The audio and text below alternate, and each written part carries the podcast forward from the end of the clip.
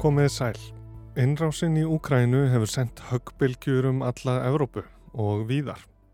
Ríki heims hafa þjappað sér saman, Svíþjóð og Finnland hafa sótt um ingöngu í Allandshafsbandalagið, Finnar eru komnir inn en Svíjar býða samþykis Tyrkja.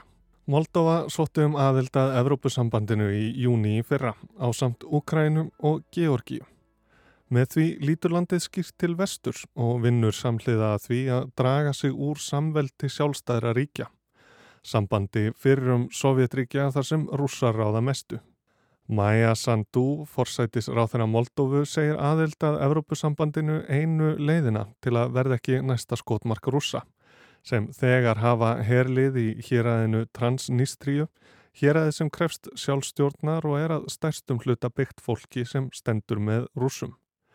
Þetta gæti orðið talsverð hindrun fyrir innköngu Moldófu í Evrópusambandið. Hvað varðar hinn ríkin tvö þá höfðu þau bæði sagt sig úr samveldinu nokkru áður.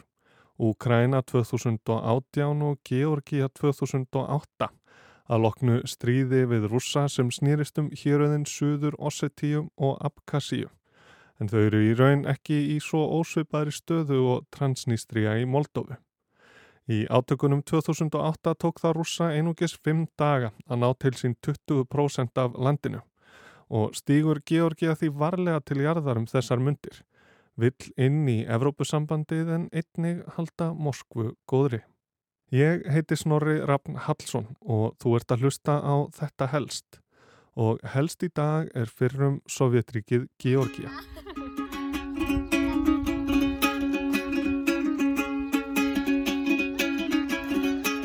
Í Kákasusfjöllum við austuströnd Svartahafsins er Georgia sem á sér langa og flokna sögu sem spannar þúsund ára.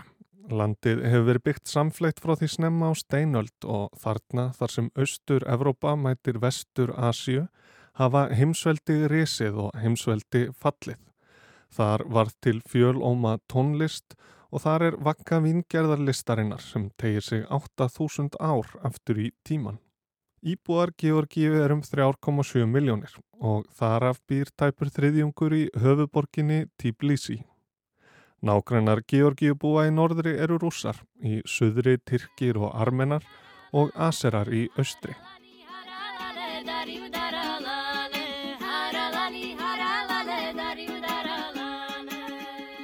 Á georgísku eða kartúli nefnist landið Sakartvelo, land hinnar kartvelsku þjóðar eins og hún kallar sjálfa sig og rekur hún ætti sínar til kartlósar, barna barna barns Jafets, sonar Nóa úr gamla testamentinu.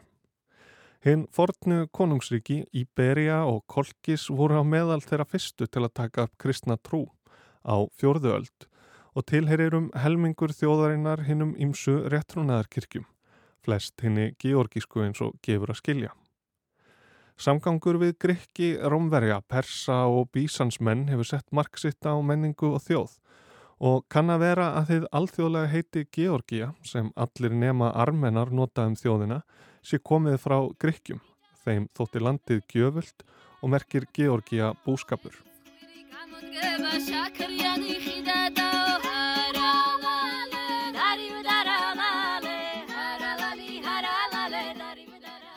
Íberja og Kolkis liði þó undir lok.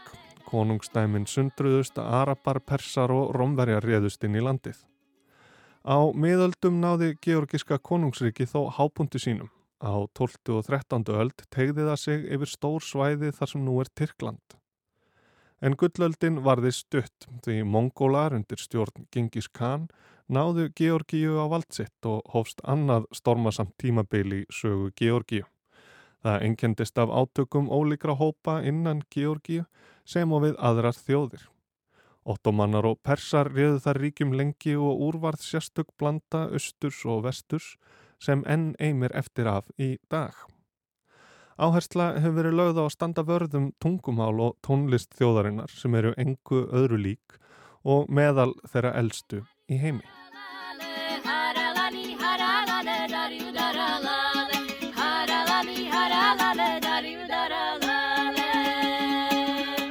Það var svo undir áhrifum og verndarvænga rússa sem Georgia fór að taka á sig núverandi mynd. Um aldamótin 1800 varð georgiska konungsríkið Kartli Kaketi hluti af rússaveldi Aleksanders I. Fleiri smerri konungsríki voru innlimuð og á 19. öld háðu rússar og georgiumenn stríð við Íran og Tyrkland og náðu þannig völdum á stórum hluta þess sem er Georgia í dag. Þar á meðal svæðin Batumi, Akaltsíke, Poti og Abkhazia.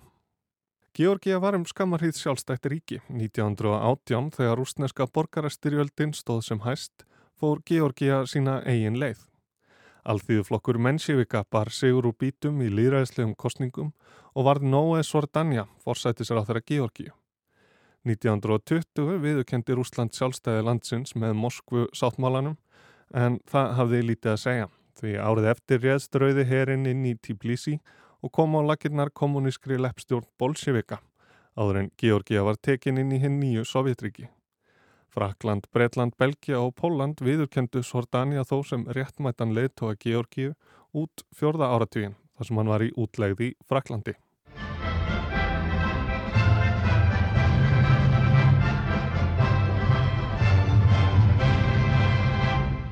Meðal þeirra sem voru áberandi í oktoberbyltingunni var Georgiumadur að nafni Jósef Bessarionis Djukashvili. Hann hafði þá reyndar breytt nafni sínu, kallaði sig Stálmannin Jósef Stalin. Það var undir hans stjórn sem Georgiumenn börðust gegn nazistum í síðari heimstyrjöldinu. 700.000 Georgiumenn börðust með rauða hernum til að vinna bug á innrás nazista og komast að lokum til Berlínar en talið er að um helmingur þeirra hafi fallið. Stalin naut stuðnings landa sinna og hverki voru mótmælinn gegn afvæðingu stalinismans hávarari en í heimalandi hans. Óeirðir brutust út þegar arftakinn Khrushchev fordæmdi Stalin ofinberlega 1956 og þurfti að kveða þær niður með hervaldi. Efnahagur Georgiu stór eldist á sovjettímanum. Vínin þótti þau bestu sem fáanleg voru í Sovjetríkjunum og eftirspurnin gríðaleg og enn eru vínin einn helsta útflutningsvara landsins. Þar að auki var til blómlegur ferðamanna yðnaður á ströndunum við Svarta hafið en augljós spilling og aukin fjarlægð ráðamanna frá fólkinu ollu óanhegu og andstaða við rúsa jógst. Þegar Perez Stróikan átti að leiða til umbóta reyndust stjórnvöld svo óhæf við að innleiða breytingar að flestir Georgíubúar, jafnvel flokkskommunistar, sáu þá eina leið færa að segja skilið við Sovjetríkin. En sá vegur átti eftir að reynast rostusamur í Georgíu eins og annar staðar. This morning, guerrillas moved a bit closer to the Parliament building, firing automatic weapons, rocket-propelled grenades, and heavy artillery. At least 30 people are known dead in this former Soviet republic, hundreds of others wounded. 9. april 1991 lísti Georgia yfir sjálfstæði, rétt áður en Sovjetríkin fjallu. Andofsmaðurinn Sviat Gamsakurdia var kosin fyrsti fórseti sjálfstæðrar Georgíu, en hann hafði íft upp georgiska þjóðarnisekju. Hétti að koma böndum á svæði líkt á Abkhazíu og Suður Ossetíu. Þjóðabrotin þar tala eigið tungumál, hafa eigin menningu og líti ekki endilega á sig sem Georgíumenn. Innan Sovjetríkjana voru héröðin svo skilgreynd sem sjálfstjórnar héröð. Þau voru því fljóta að lýsa yfir sjálfstæði þegar þau urðu eins og hvert annað svæði innan Georgíu. Abkhazar vildu stopna eigið ríki en Suður Ossetar saminast Norður Ossetíu. Í kjölfarið brutust út blóðug átök. Abkhazar drápu og röktu burt Georgíumenn og Suður Ossetíu naut stuðnings og rússa sem tóku að sér fríðargæslu í héræðinu. Norður Ossetíu er enda innan landamæra Rúslands og íbúar begja svæða líta fyrst og fremst á sig sem Osseta, tala ossetísku og þar framittir gödunum. Margir þeirra flúðu norður yfir landamærin og einungis 15% Osseta búa nú í söðurlutanum. Þessi átök og óstöðuleiki höfðu sitt að segja um ástandi í landinu. Matarskortur og fátækt einkendi átakasvæðin og ferðamanna yðnaðurinn snar mingaði. Rússar heldu Abkhazíu og Suður Ossetíu uppi og misti Georgia yfiráð yfir svæðunum eða hafðana aldrei til að byrja með.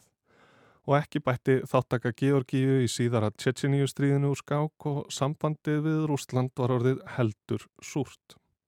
Hinn friðsamlega rósarbylting leitt af Mikhail Saakashvili átti sér stað 2003. Markmiðið var að draga á spillingu, bæta stjórnsýslu og ebla líðræðið. Saakashvili var fórseti frá 2004 til 2013 og stjórn hans reyðst í efnahagsumbætur. Laðaði erlend fjármakt til landsins og fór í mikla innviða uppbyggingu en samlega því var samstarfið Evrópu aukið, Evrópu sambandið og NATO.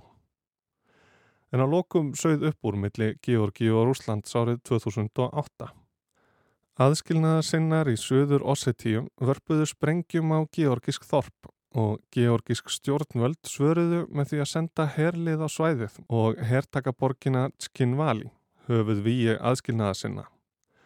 Þetta tólkuðu rússar sem tilhæfilösa árás og réðust inn í landið, bæði í Ossetíu og Abkhazíu. Witness the terrifying aftermath of a Russian airstrike on one Georgian town. This is Gori in central Georgia, outside the main conflict zone but now a target in Russia's expanding military campaign. Sökuðu þeir georgíumennum þjóðernishreinsanir gagvart söður ossetum og á fimm dögum tókst rússum að rekja Georgíu hér á brott. Í kjölfarið viðurkendi Rúsland sjálfstæði þjóðana og hefur haldið hernámsliði á báðum stöðum allar götur síðan. Þetta er svipað og ástandið í Transnistríu í Moldófi. Og nokkrum árum síðar endur tóku rússar leikin á Krímskaga og við vitum öll hver staðan er í Úkrænu núna. Georgiumenn hafa því litið til Evrópu og Vesturlanda, líkt og Moldóvar, sem leiði til þess að forðast frekari átök við rússa. En málinn eru auðvitað aldrei svo einföld. Stjórnarflokkurinn Georgíski draumurinn var stopnaður árið 2012 af miljardamæringnum Bijina Ivanisvili sem auðgaðist í Rúslandi eftir fall Sovjetríkjana og var forsættisráð þeirra Georgíu í stutastund fyrir um áratug. Írakli Garibasvili er núverandi forsættisráð þeirra en margir telja að Ivanisvili stjórni enn á bakvið tjöldin og afstæða þeirra verðist ekki einn skýr og látið er í lofti og hefur flokkurinn verið sakaður um að reyna ná sáttum við rúsa. Georgia hefur til að mynda ekki tekið þátt í efnahagsþvingunum gegn Rúslandi. Þvert á móti hafa viðskiptið millir ríkjana aukist eftir innrásina. Vörubílar býða í kílometra lungum röðum við landamærin til að flytja vartning til Rúslands. Og beinum flugum millir Georgiu og Rúslands hefur verið komið á aftur eftir langan tíma og Ekaterina Vinukorova, dóttir utanrikiðsrað þeirra Rústlands, Sergei Lavrov, fekk að mæta í brúðkaupi í Georgi þrátt fyrir að vera á svörtum lista Evrópusambandsins. Fósiti landsins Salome Surabitsvili hefur kallað stefnuflokksins and vestræna af þessu tilefni, beinu flugin séu í senn óskiljanleg og móðgandi. Georgia er í erfiðri stöðu og að vissuleiti er skiljanlegt að ríkið haldi áfram viðskiptum við rúsa. Við myndum eidilegja efnahag Georgíu, við myndum skada hagsmunni landsins okkar og við myndum skada hagsmunni fólksins okkar ef við settum viðskiptaþvinganir á Rúsland, sagði Garibashvili fósættisráð þeirra á dögunum. Viðskipti við rússa séu mikilvæg fyrir Georgíu og að hætta þeim hefði hverfandi áhrif á Rúsland. Georgia hefur þar að auki fordæmt innráðs rússa, líst yfir fullri samstöðu við Úkrænu og tekið á móti 20.000 flottamanna. Georgia var einnig eitt af 38 löndum sem kvöttu alþjóða glæpadómstólinn til að rannsaka stríðsklæpi rúsa í Úkrænu. Ekkert hefur breyst eftir innrás Rúslands, segja stjórnvöld. Georgia stefnir enn á Evrópusambandið og NATO. Það verði engin eðlileg samskipti við Rúsland fyrir en herin fer úr söður Ossetíu og Abkhazíu og Rúsland viðurkennir yfir áð Georgíu yfir svæðunum. En í fyrsta sinn í mörg ár var Evrópufánanum ekki flaggað á þjóðháttíðadegi Georgíu nú í ár. Mögulega til merkisum það að stjórnvöld þar í landi séu tvístingandi eftir allt saman. Úslitt stríðsins í Úkrænum munu hafa gífurlega áhrif á auðanríkispolítik Georgíu sem gæti orðið skotmark verði skrefið stíðið til vesturs og gæti orðið skotmark verði það ekki gert. Á fimm dögum árið 2008 hrifsuðu rússar til sín 20% af landsvæði Georgíu og enginn vill að það endur taki sig. Nógu mikið hefur þjóðin gengið í gegnum í gegnum aldinnar. Engu að síður eru umsóknir um aðildað ESB og NATO í fullum gangi og býða Ukræna, Moldova og Georgíja nú svars. Þetta var helst af Georgiu í dag. Ég heiti Snorri Rafn Hallsson og þakka áhernina.